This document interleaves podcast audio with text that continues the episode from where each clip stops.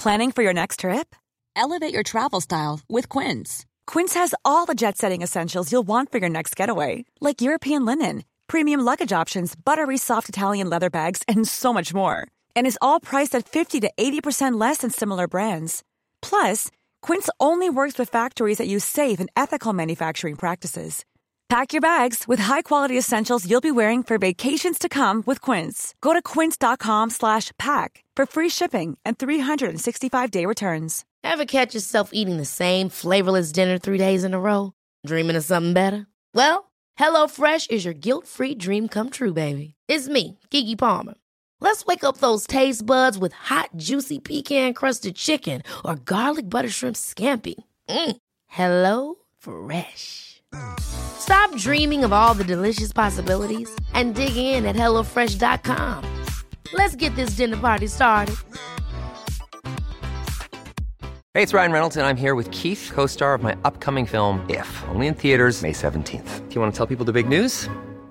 All right, I'll do it. Sign up now and you'll get unlimited for $15 a month in six months of Paramount Plus Essential Plan on us. Mintmobile.com slash switch. Upfront payment of $45 equivalent to $15 per month. Unlimited over 40 gigabytes per month. Face lower speeds. Videos at 480p. Active Mint customers by 531.24 get six months of Paramount Plus Essential Plan. Auto renews after six months. Offer ends May 31st, 2024. Separate Paramount Plus registration required. Terms and conditions apply if rated PG. Palmemordet Mörkläggning med Gunnar Wall Del 3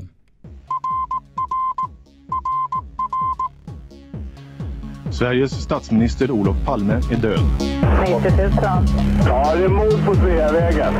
Hörde de säger att det är Palme som är skjuten. Mordvapnet med säkerhet är en Smith Wesson, en revolver kaliber .357. Inte ett svar. Det finns inte ett svar.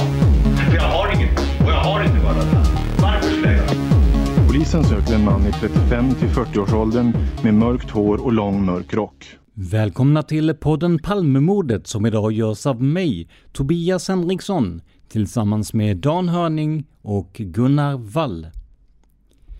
Det här är det första avsnittet från det release-event som hölls med Gunnar Wall inför släppet av den nya utgåvan av Mörkläggning, Statsmakten och Palmemordet. Men Dan och Gunnar har redan tidigare pratat om originalutgåvan av boken i två avsnitt, varför det här blir avsnitt tre i samma ämne. Trots att det var länge sedan den förra intervjun gjordes är det här det bästa sättet att få avsnittsnumreringen någorlunda konsekvent. Innan vi sätter igång vill jag påminna er om att det finns ett väldigt bra sätt att stötta Dan och mig i vår strävan att gå till botten med Palmemordet. Kanske inte nödvändigtvis att komma närmare en lösning, men i alla fall granska allt som hänt under åren. Det sättet är att gå in på patreon.com palmemordet, alltså p-a-t-r-e-o-n.com palmemordet och sponsra oss med en summa per utgivet avsnitt. Och tycker du att Patreon är krångligt så går det också bra att donera via Swish.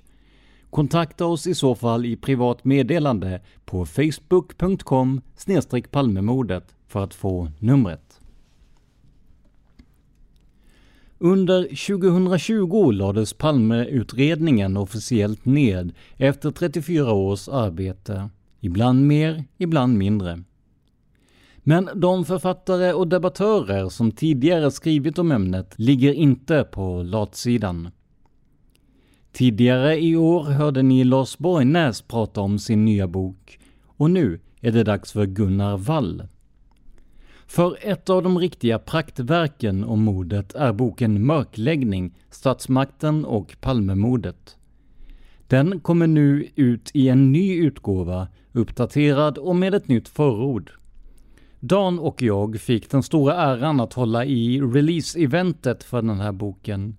Något som gjordes via Youtube för att undvika folksamlingar i coronans tid.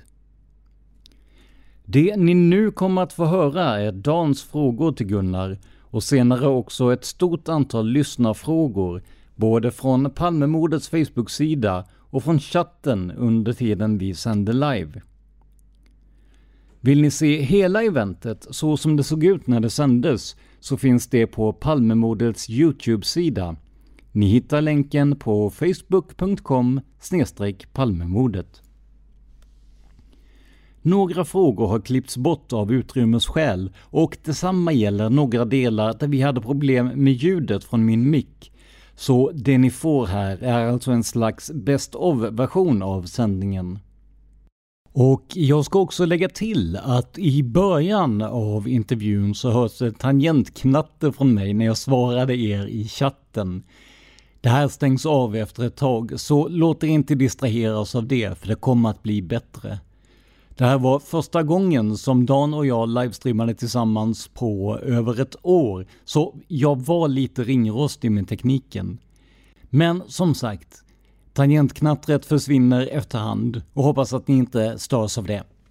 Med det sagt lämnar jag över till Dan och Gunnar för den inledande diskussionen om boken. Gunnar, mm? hur tjock är din bok?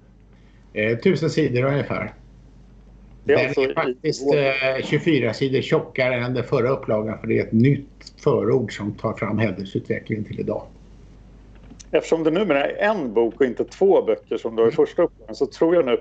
Förut låg de liksom bredvid inuti labyrinten och inuti labyrinten såg större ut men nu är det i samma nivå. Jag hade den ambitionen med den nya. Ja, precis. Det skulle se tjockast och häftigast ut. Varför, varför heter boken Mörkläggning? Vad är det som är mörkläggning?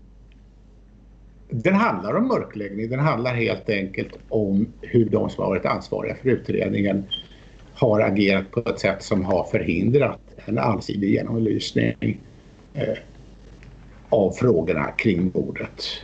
Alltså att man har, man har helt enkelt väjt för att rota i vissa frågeställningar. Man har undvikit att gå in på områden som man skulle behöva gå in på för att vara säker på att få ett svar på vad mordet handlar om. Och då, och då säger jag inte att de som har varit ansvariga för det här på politisk nivå och i rättsväsendet har vetat om sanningen om mordet. Det behöver inte alls vara så utan det räcker helt enkelt med att man har varit rädda för att mordet skulle innehålla känsliga, svårhanterliga saker om det kom fram. Och också tror jag att man har varit rädda för att en förutsättningslös utredning skulle dra fram eh, känsliga saker om frågor som i och för sig inte behövde ha med mordet att göra. Vi ska komma ihåg att eh, ganska tidigt så väcktes det ju frågor om ordet kunde ha att göra med svensk olaglig vapenexport till exempel eller att det kunde ha att göra med relation till främmande makt för att ta ett par exempel. Och det där är ju inte saker som låter sig utredas utan vidare. Även om inte sanningen om ordet skulle handla om de sakerna skulle det ändå riva upp väldigt mycket saker om om, om det bedrevs, bedrevs en förutsättningslös utredning om de sakerna. Så att ganska snabbt så inrättades det ett kommando kan man säga där utredningen sköttes av Holmér som tog hand om den under det första året och som satt på plats varje dag i Palmerummet utan att vara ledig. Sju dagar i veckan och såg till att ingenting hände som inte han hade sagt att det var okej. Okay. Och det tror jag är en av orsakerna till att vi har det olösta har idag. Hur kom det sig att du gav dig in på projektet att skriva den här boken? Ja, jag förstod ju inte hur tjock det skulle bli och jag förstod inte heller att det skulle ta sex år. Utan jag, jag var nyfiken på de här eh, underliga statliga operationerna som uppenbarligen spelade en roll i mordutredningen och som inte gick att förstå riktigt. Och så blev det klart att det skulle bli rättegångar om smugglingsoperationerna i Ebbe Carlsson-affären. Den här underliga intrigen som utspelades i och kring utredningen under slutet av 80-talet. Och det skulle också bli rättegång om sex höga polischefers ansvar för olovlig avlyssning i Palmeutredningen. Jag tänkte att det här kan vara en nyckel till att förstå det dolda spelet i utredningen. Och då såg jag framför mig att jag skulle skriva om de två rättegångarna. Jag tänkte att det kanske kan ta ett halvår, ett år att få upp en sån bok ungefär. Så blev det inte.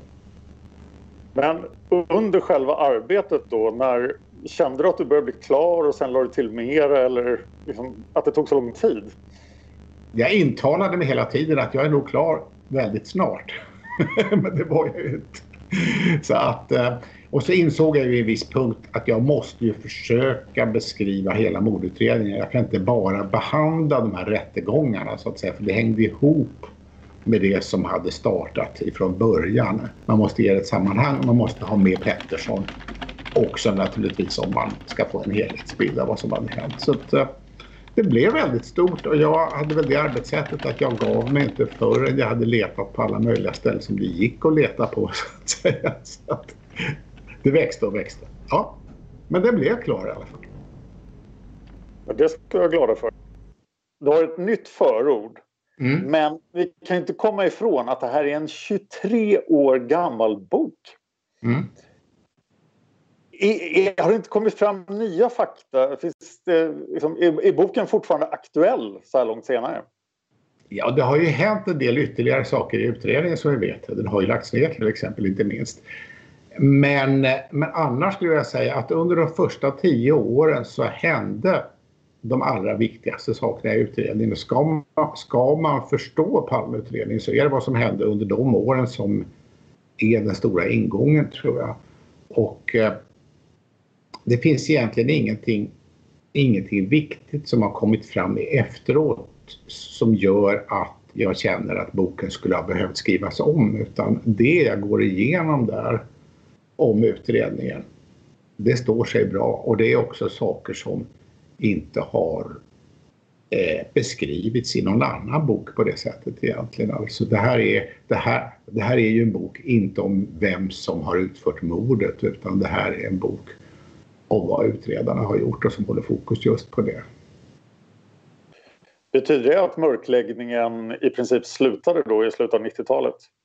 Jag skulle säga att det planade nog ut. Eh, jag har eh, stor respekt för, eh, för en hel del av de senare utredarna som, som säkerligen ansträngde sig att försöka få fram sanningen men då hade de ofta så små resurser att jobba med så att det kunde inte hända så väldigt mycket. Det, det fanns liksom inte, inte några stora möjligheter att något skulle, att, att något riktigt stort som Efter det att resningsansökan mot Pettersson som var i slutet av 90-talet, det var ju så att säga det här sista stora försöket att lansera en sorts slut. Efter det så har utredningen rätt mycket funnits kvar ändå kan man väl säga. Va? Ända tills Petersson bestämde sig för att han skulle avsluta den. Och det var ju onekligen en stor händelse. Onekligen. Gunnar, ja. vad är det enskilt viktigaste avslöjandet som du kommer med i hela boken? Jag tror det viktigaste är min beskrivning av Ebbe Carlsson-affären faktiskt, som jag går igenom i detalj så att man får en förståelse för vad den handlar om egentligen, för det är väldigt svårt att få någon annanstans. Ja, det kan jag intyga. Eh, vad är det som skiljer Mörkläggningen från andra böcker om Palmemordet? Ja, det är helt enkelt det att den handlar om utredningen. Eh, det gjorde ju Inuti labyrinten med av, av, av Putjainen som ju skrev om spaningsinsatserna på mordnatten i första hand. Men det finns ingen annan bok som, som håller fokus på vad mordutredningen har gjort under årens lopp i stort, utom mörkläggning. Det är väl det speciella med den. Och jag tror att ska, ska man förstå Palmemordet så måste man förstå utredningen. I dina senare böcker så eh, skrev du betydligt kortare och i ett annat format. Hur kom det sig? Alltså, man skriver ju inte böcker på tusen sidor hur många gånger som helst. det tar på krafterna. Och det kanske är lite mer läsvänligt om de inte är lika tjocka också. Så att eh, vi får väl se hur många som orkar läsa den här. I boken skriver du att Holmer hade bestämt sig för PKK-spåret från början men att han väntade till mm. maj 86 innan han lanserade det. Hur kan du vara säker på det och varför?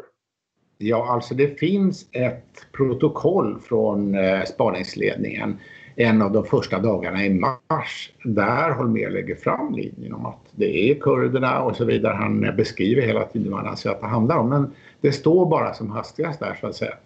Sen var Holmér mycket noga med att satsa på 33-åringen som vi vet. Det var ju liksom hans stora satsning under våren. Och han visade inte alls något intresse för PKK-spåret förrän i maj då han drog igång det med buller och bång. Och, och, när, man, när, när han har hörts i olika sammanhang efteråt så har han varit noga med att nej, han var inte alls intresserad av PKK-spåret ursprungligen utan det var först vid en senare punkt som han förstod att det här var lösningen. Och det han då åberopade som skäl till att han satsade på PKK-spåret det var att det var en alkoholiserad fängelsekund som hette Seppo som kom in, in eh, till polisen och sa att han hade ett hett tips. Han hade nämligen sålt två Magnumrevolvrar till Miro, Miro Barcik i Ustasja som satt i fängelse och en kurdisk knarklangare som satt på samma fängelse. Han hade alltså under en permis hävdade han skaffat de här två vapnen åt dem så de skulle kunna användas av dem senare.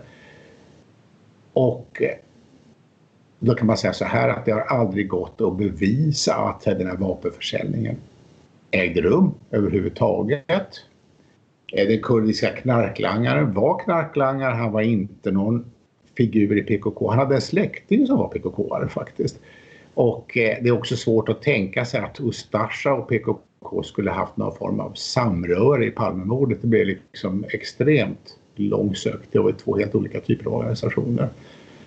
Och, eh, och det här var alltså, alltså man kan väl säga så här att visst alla tips ska undersökas och den här mannens tips om vapenförsäljningen var ju ett av hundratals sådär halvintressanta tips men absolut inte något vettigt skäl till att styra in hela utredningen på PKK. Alltså det, det blir helt orimligt.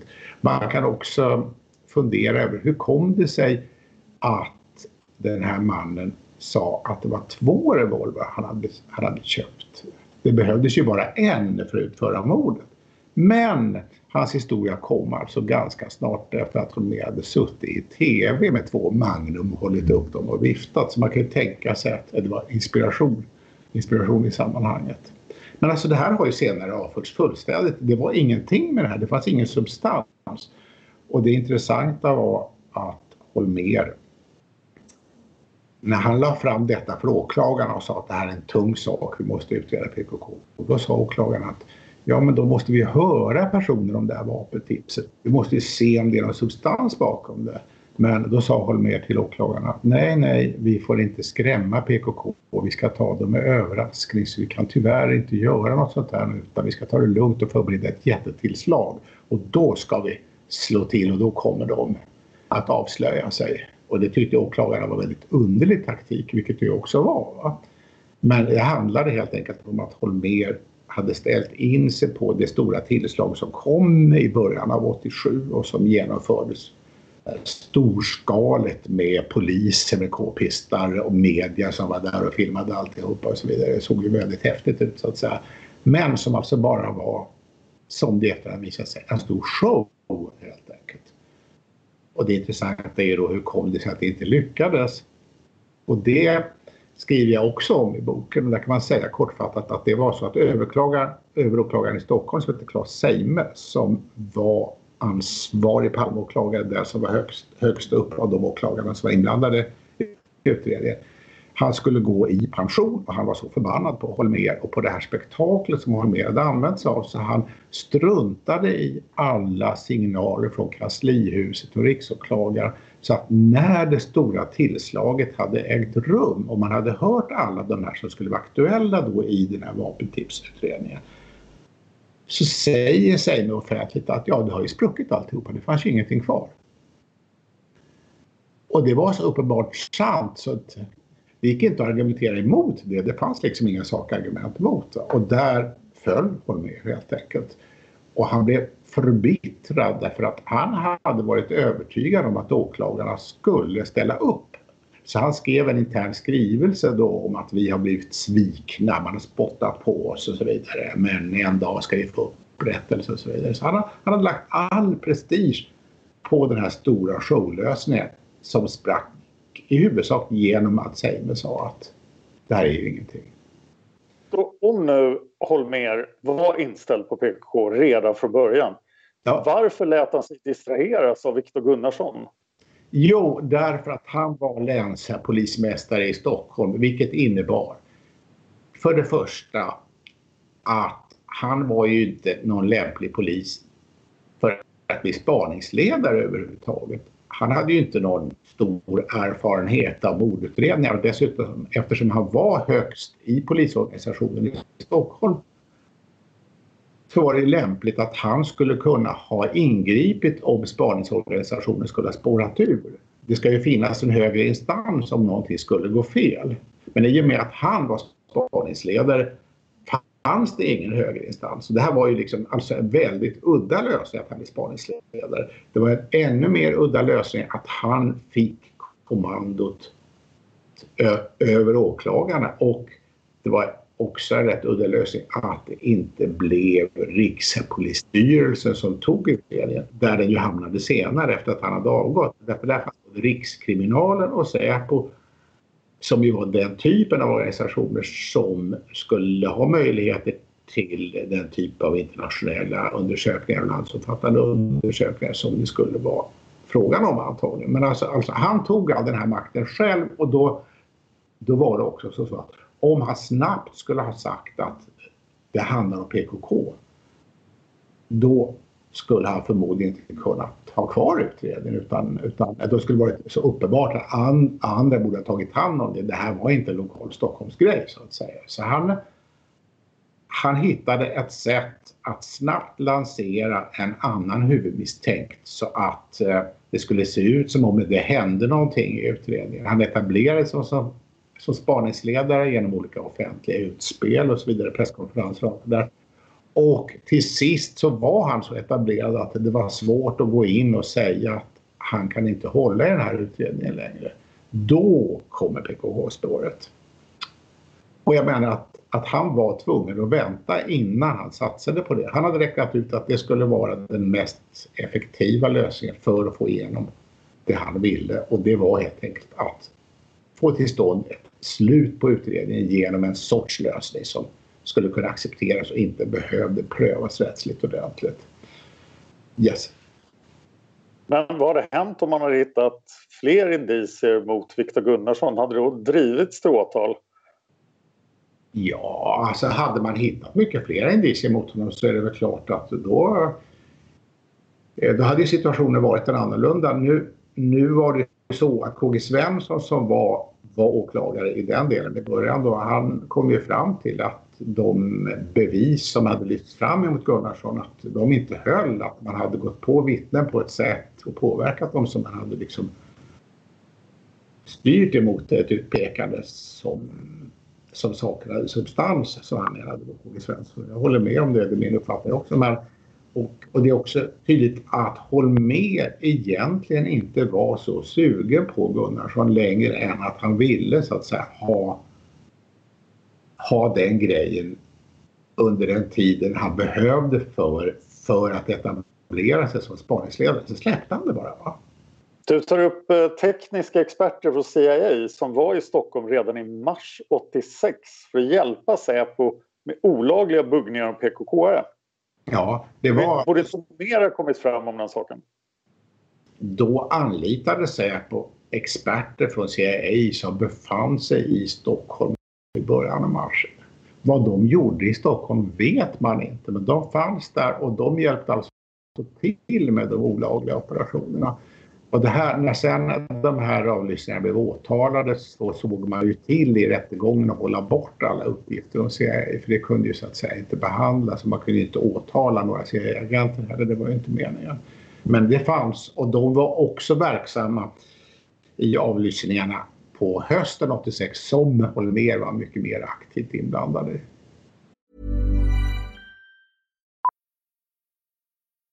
Millions of people have lost weight with personalized plans from Noom. Like Evan, who can't stand salads and still lost 50 pounds. Salads generally for most people are the easy button, right? For me, that wasn't an option. I never really was a salad guy. That's just not who I am. But Noom worked for me. Get your personalized plan today at noom.com. Real noom user compensated to provide their story. In four weeks, the typical noom user can expect to lose one to two pounds per week. Individual results may vary. Life is full of awesome what ifs, and some not so much, like unexpected medical costs. That's why United Healthcare provides Health Protector Guard fixed indemnity insurance plans to supplement your primary plan and help manage out of pocket costs. Learn more at uh1.com. Quality sleep is essential. That's why the Sleep Number Smart Bed is designed for your ever evolving sleep needs. Need a bed that's firmer or softer on either side? Helps you sleep at a comfortable temperature? Sleep Number Smart Beds let you individualize your comfort so you sleep better together. JD Power ranks Sleep Number number 1 in customer satisfaction with mattresses purchased in-store. And now, save 50% on the Sleep Number limited edition Smart Bed for a limited time. For JD Power 2023 award information, visit jdpower.com/awards. Only at a Sleep Number store or sleepnumber.com. Så de var kvar i landet alltså under lång tid? De hade åkt hem emellan men eh, de var inblandade på hösten också. Och eh, de ägnade sig alltså åt att hjälpa Säpo med väldigt speciella eh, operationer bland annat. En av operationerna som CIA var inkopplade på var att man fick in en bugg i ett sängben. Då gjorde man så, så att man tog sig först in i lägenheten som skulle avlyssnas man tog och fotograferade sängbenet, skrapade av färgprover och så vidare och sen gjorde man ett likadant sängben och satte i en bugg och så tog man sig in en gång till och satte i det här benet och sen hade man då avlyssning i, i en lägenhet inte långt ifrån. Så det var den typen av operationer som man ägnade sig åt. Och det var alltså vid den här tiden så var det definitivt olagligt. Man har ju ändrat ja. efter det.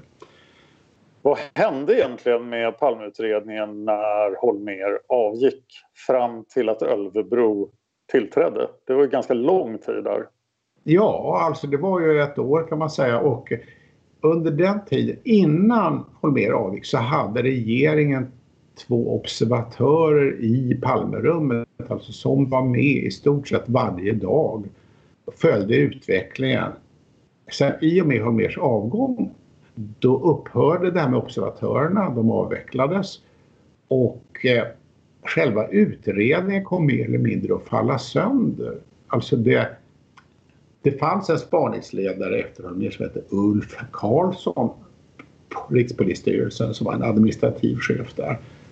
Men han utövade ju inte någon aktiv spaningsledning utan de olika delarna av polisen som hade hållit på med Palmeutredningen höll höll liksom på själva var och en för sig utan någon inbördes samordning så att samma vittne kunde höras av olika polisgrupper. Och det bara planade ut allting helt enkelt. Alltså det fanns liksom ingen struktur i arbetet. Och eh, det fanns inte heller någon struktur därför att under Holmers tid hade det inte gjorts någon systematisk insamling av handlingar. De hade inte sorterats in på något sätt utan, utan alltihopa var huller om buller. Eftersom ju Holmer inte hade varit intresserad av någon sån systematik. Han hade ju sin egen lösning som han skulle driva igenom och andra struntade han i. Så det var först i och med Ölvebro när han kom in som spaningsledare då som man började att upprätta någon form av ordentlig formell struktur på spaningsarbetet. Det hade inte funnits innan. Och under ett år så hände det alltså väldigt, väldigt lite. Jag har hört siffran nämnas att det var i princip fyra parallella utredningar under Ulf Karlsson. Vilka var det som utredde? Ja, det var, det var, det var Stockholmspolisens våldsrotel, det var Rikskriminalen, det var Stockholmspolisens spaningssektion och det var Säpo. Ja, man hade enheter inom alla de som höll på. Och det var inte samordnat. Och det innebar ju i princip kan man säga att det andra året som också var viktigt så att säga, det var ju nära i tid, då hade man alltså i och för sig ganska mycket folk inblandade men man hade inte någon effektiv utredning och regeringen verkade då efter sin enorma uppbackning av Holmer så hade man svängt om till att man inte intresserade sig för vad som skulle hända överhuvudtaget verkade det som. Kanske för att man inte hade någon som man eh, kunde styra på det sätt som man hade haft under det första året. Ja. Fanns det ens något Palmerum under det andra året? Alltså, vad gjorde Ulf Karlsson på dagarna? Det, det, är en intressant fråga. Jag tror att han ägnade sig åt en hel massa andra saker. Han hade väl olika administrativa uppgifter. Eh, men sen kom alltså Ebbe Carlsson och mm. bestämde sig att återupprätta Holmers PKK-spår. Mm. Hur startade det?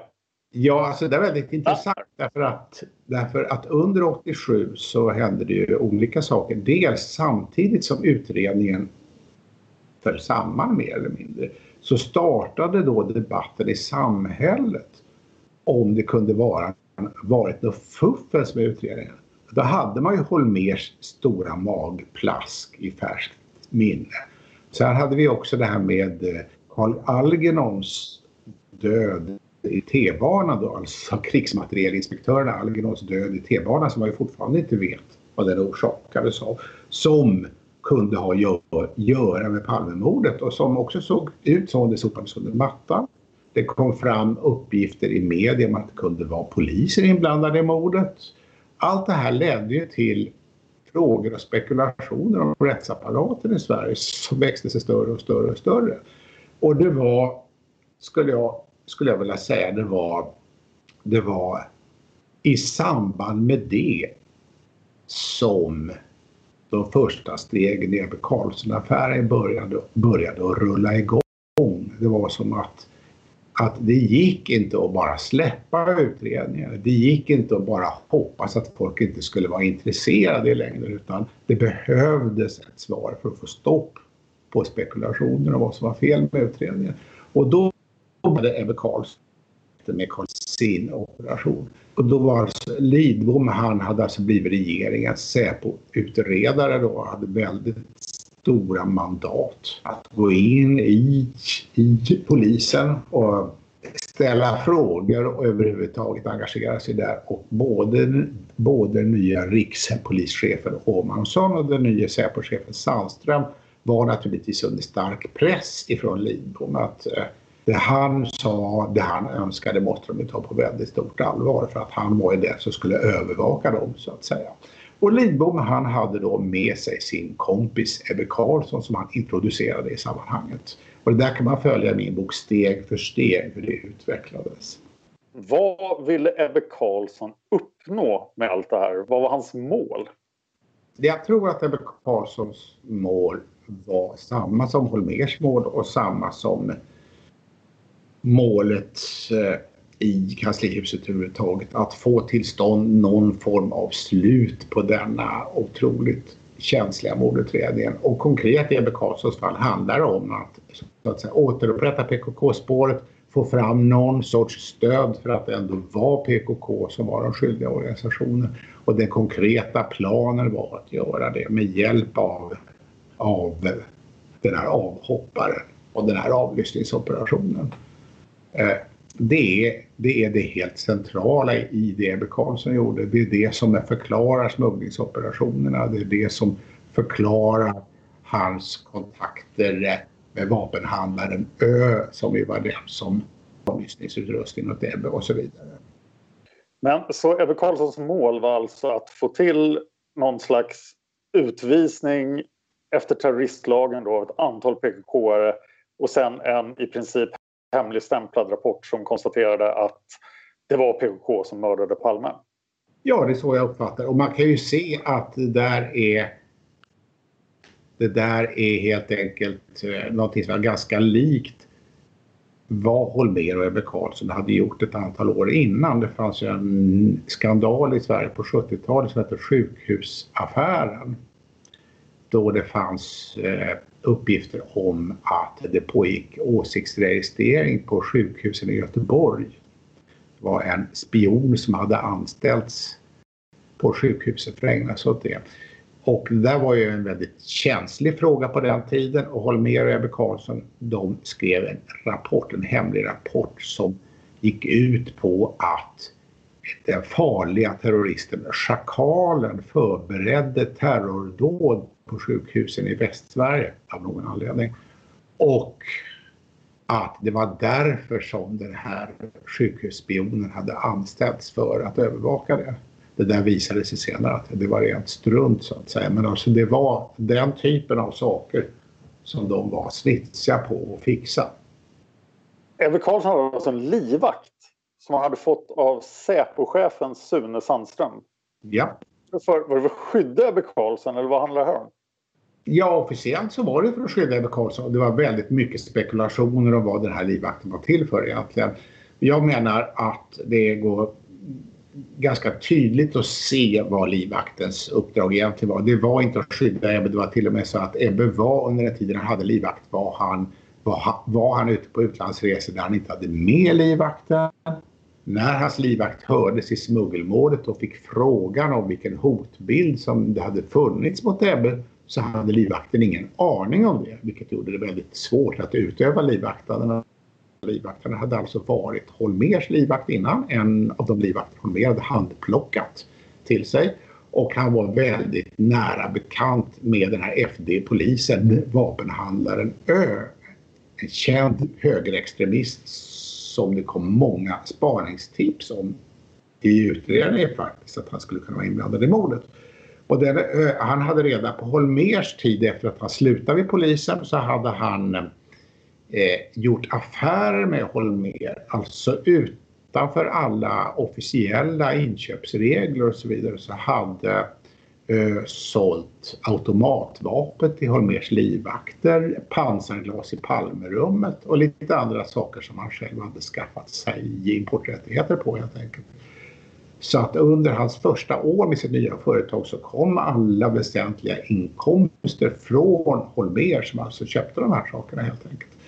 Och det var alltså samma ö som, som var nära bekant med Ebbes livvakt och som, som skaffade fram avlyssningsutrustningen. Och jag fattade som att det var helt enkelt att Ebbe behövde ha nära till hands en länk till denna kontroversiella vapenhandlare och det var det livvakten egentligen kom att bli.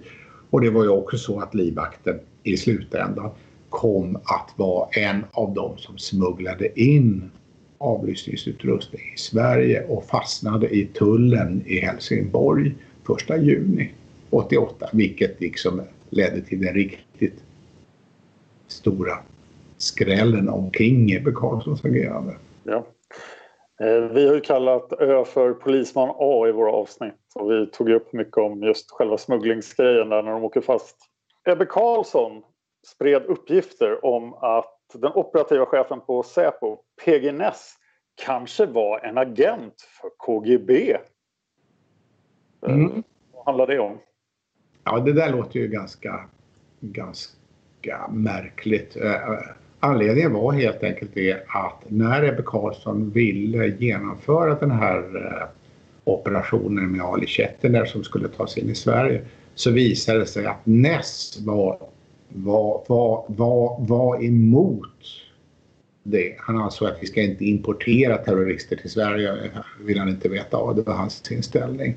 Så att, eh, att, att det behövdes alltså att Chetene smugglades in i Sverige och att man utvecklade ett samarbete mellan Ebbes kompisar på Säpo utan att Ness hade någon insyn i det här och för att det skulle gå att hålla Ness utanför saker och ting så var det användbart för Ebbe att sprida uppgifter om att Ness var, var opålitlig, Ness bör hållas utanför, man kan inte lita på Ness och så vidare. Det var innebörden av det hela kan man säga. Det var inte den enda person som Ebbe Carlsson misstänkliggjorde. Det förekom också uppgifter om att Ebbes grupp skulle spana på Pierre Schori. Mm. Han var ju kabinettssekreterare på UD och en av Palmes nära medarbetare i internationella frågor. Och det är uppenbart att Ebbes grupp hade speciellt horn i sida till Schori som man såg som en person med farliga vänsterkontakter internationellt och honom skulle man hålla ögonen på och så vidare. Eh, jag kan tänka mig dels att det var så här att Ebbe på det sättet gick sina Säpo-kontakter till mötes för att de hade hade uppenbarligen väldigt skeptisk inställning till Schori. Det kan också ha att göra med, kan jag tänka mig, eh, en förändring i socialdemokratin efter Palmes död där helt enkelt en del av de saker som Pal Palme drivit och engagerat sig i av fler och fler i partiledningen sågs som omodernt och lite olämpligt och dags att skrota. Och i det sammanhanget så var ju Schori ett namn som representerade eh, Palmes linje i olika utrikesfrågor. Så jag kan tänka mig att, eh, det utifrån Ebbes synpunkt och andra som, som han, han överlag med tyckte att det kanske vore bra att skuppa undan Schori en liten bit ifrån inflytande i partiet. Så skillnaden var i princip att det fanns faktiskt folk som misstänkte att Schori kunde vara en KGB-agent eller en, en rysk sympatisör i alla fall. Ja, alltså det är uppenbart eh, att Kege och Barling som var de två Säpo-männen som ju arbetade med men de hade ju eh, stora misstankar mot Schori. Det hade bland annat, alltså, alltså det var en sak som kom upp då, han hade haft att göra med en kvinnlig professor i kurdiska språket på Sorbonne i Paris. Eh, och eh, och det spreds alltså rykten om henne att hon skulle vara en terroristsympatisör vilket, vilket kom fram sen var fullständigt ogrundat. Men, men det var alltså den typen av spekulationer som var ganska vanliga i Säpo där det fanns rätt mycket folk som liksom letade efter hotbilder åt vänster och där hon då motsvarade sådana hotbilder. Man kunde koppla henne samman med Schori så gick det liksom att se att här här fanns det någonting som vi av säkerhetsskäl borde ägna oss åt och försöka hålla ögonen på. Ungefär. Så det var ungefär den typen av idéer det handlade om. Det beskriver jag närmare i boken också. Jag känner att Ebbe Carlsson-affären får ju lite löjets skimmer av att Ebbes livvakt faktiskt åker fast i tullen. Mm. Hur, hur kunde han åka fast? var det någon som tipsade om det? Eller, det verkar väldigt klantigt. Ja, alltså det har ju funnits spekulationer. Det fanns ju väldigt mycket, mycket spekulationer om att någon skulle ha tipsat. Och jag går igenom i boken olika hypoteser om vilka det i sådana fall skulle ha varit och varför. Men efter att jag gått igenom det ganska noga och jag pratade med han som stoppade livvaktens bil i tullen då och jag har pratat med tullkrimmare, åklagare och så vidare och liksom jag har fått en ganska ganska entydig bild av vad som hände att det var helt enkelt så att livvakten hade otur och inte heller betedde sig på det allra smartaste sättet. Han kom, han kom åkande av färjan i Helsingborg eh, i en ganska tjusig vit Saab. Som, eh, han, han var själv orakad, lite stressad och så vidare. Eh, ensam man i en fin bil. Så här. kan vara intressant att kika på. Och så stoppades han då av en tullare som eh, frågade var han hade varit under dagen. Han hade varit i Köpenhamn. Ja, under dagen då visade det sig ja. Har du varit där i affär? Ja, det skulle man kunna säga, svarade livvakten. För att hade smugglingsutrustning. Det var kanske inte den bästa formuleringen man kan ha. Så att då blev han ombedd att, att köra åt sidan. Och så öppnade då tullaren hans bil i bakluckan och den var ju smockfull med avlyssningsutrustning. Det intressanta är att det där skulle inte ha lett till en skandal och ett avslöjande ändå om inte väldigt speciella omständigheter hade varit för handen. Det var nämligen så att samma dag hade Expressen avslöjat att Ebbe Carlsson höll på med hemliga operationer. Och det gjorde att eh, det hade ju hade sänt en smärre chockvåg eh, till de som på något sätt haft att göra med Ebbe Carlsson, bland annat Säpochefen Sune Sandström som jag tyckte plötsligt att det hela blev väldigt obehagligt. Och när då tullen ringde till Säpo och sa att vi har en kille här som säger att han representerar Säpo, för det hade han, hade han då hasplat ur sig så att säga och visat upp ett brev från Sandström och så här. Ja, vi har en kille här som säger att han är att, att han arbetar för Säpo och att den avlyssningsutrustning som ska in i landet, eh, det är liksom Säpo som är med på det. Är det riktigt det? Och då svarar den här vakthavande där att det hade han ingen aning om men han, han kontaktade då Sune Sandström, det här, han var ju mitt i natten då. Och då är det så, så att Säpo har ju visserligen inte inte rätt att hålla på med olovlig avlyssning men de hade ju rätt att ha övningsapparatur så det var ju inte någon stor grej i sig så att säga. Men det som hände var att när Sandström fick frågan av han i Säpojouren om det stämde att eh, den här utrustningen var ämnad för Säpo, då blev Sandström som inte hade vågat ge okej okay till någon sorts avlyssning för han, eh, han tyckte det hela var obehagligt så att säga. Ebba hade hoppats att det skulle gå att övertala Sandström längre fram så att säga. Då blir Sandström, han blir ju skräckslagen och säger att nej det här vet jag ingenting om, det är inte vårt. Va? Och då hamnar ju tullen i den sitsen att eh, då förstår de att de kan inte bara släppa honom utan vidare men han, han får ändå åka, de behåller utrustningen i beslag och de tänker sig fortfarande i tullen då att eh, vi får, väl, vi får väl undersöka det här i lugn och ro så att inom ett par dagar kanske vi får fram att det här inte var något farligt utan att allt är som det ska. Men då har Sandström, han har blivit så upprörd över detta så han tänker inte åta sig det här överhuvudtaget. Och till sist så kommer det fram till en punkt när man inser att detta måste utredas. Det här verkar vara ett brott. Säpo tar inte på sig det hela så att säga. Och det man kan säga då, och det är intressant tycker jag, är att den här episoden i tullen är alltså det lilla lysande undantaget när en skumraskoperation av en serie slumpmässiga omständigheter blir avslöjad och vi kan nog räkna med att det har skett åtskilliga operationer som man aldrig fått höra talas om överhuvudtaget därför att det har varit enklast att bara sopa undan alltihopa så att säga. Och med det sagt lämnar vi Gunnar Wall för den här gången, men kommer tillbaka nästa vecka med mer från den här sändningen. Glöm inte att du kan sponsra oss på patreon.com palmemodet för att vi ska kunna komma ut varje vecka och för att vi ska kunna ta oss an fler stora spår. Glöm inte heller att du kan se hela eventet på cirka tre timmar på Youtube. Länk finns på vår Facebook-sida facebook.com palmemodet där du också kan diskutera avsnitten med mig och Dan. Det här var veckans avsnitt av podden Palmemordet som idag gjordes av Tobias Henriksson, Dan Hörning och Gunnar Wall. Avsnittet producerades av PRS Media som ni kan hitta på facebook.com prsmedia.se. Stort tack för ert stöd under alla de avsnitt vi gjort hittills, men framförallt stort tack för att du lyssnar på podden Palmemordet. Man hittar Palmes mördare om man följer PKK-spåret till botten. Därför att ända sedan Julius Caesars tid har det aldrig hört talas om ett mord på en framstående politiker som inte haft politiska skäl. Polisens och åklagarens teori var att han ensam hade skjutit Olof Palme. Och det ledde också till rättegång, men han frikändes i hovrätten. Nu ska vi ska ut.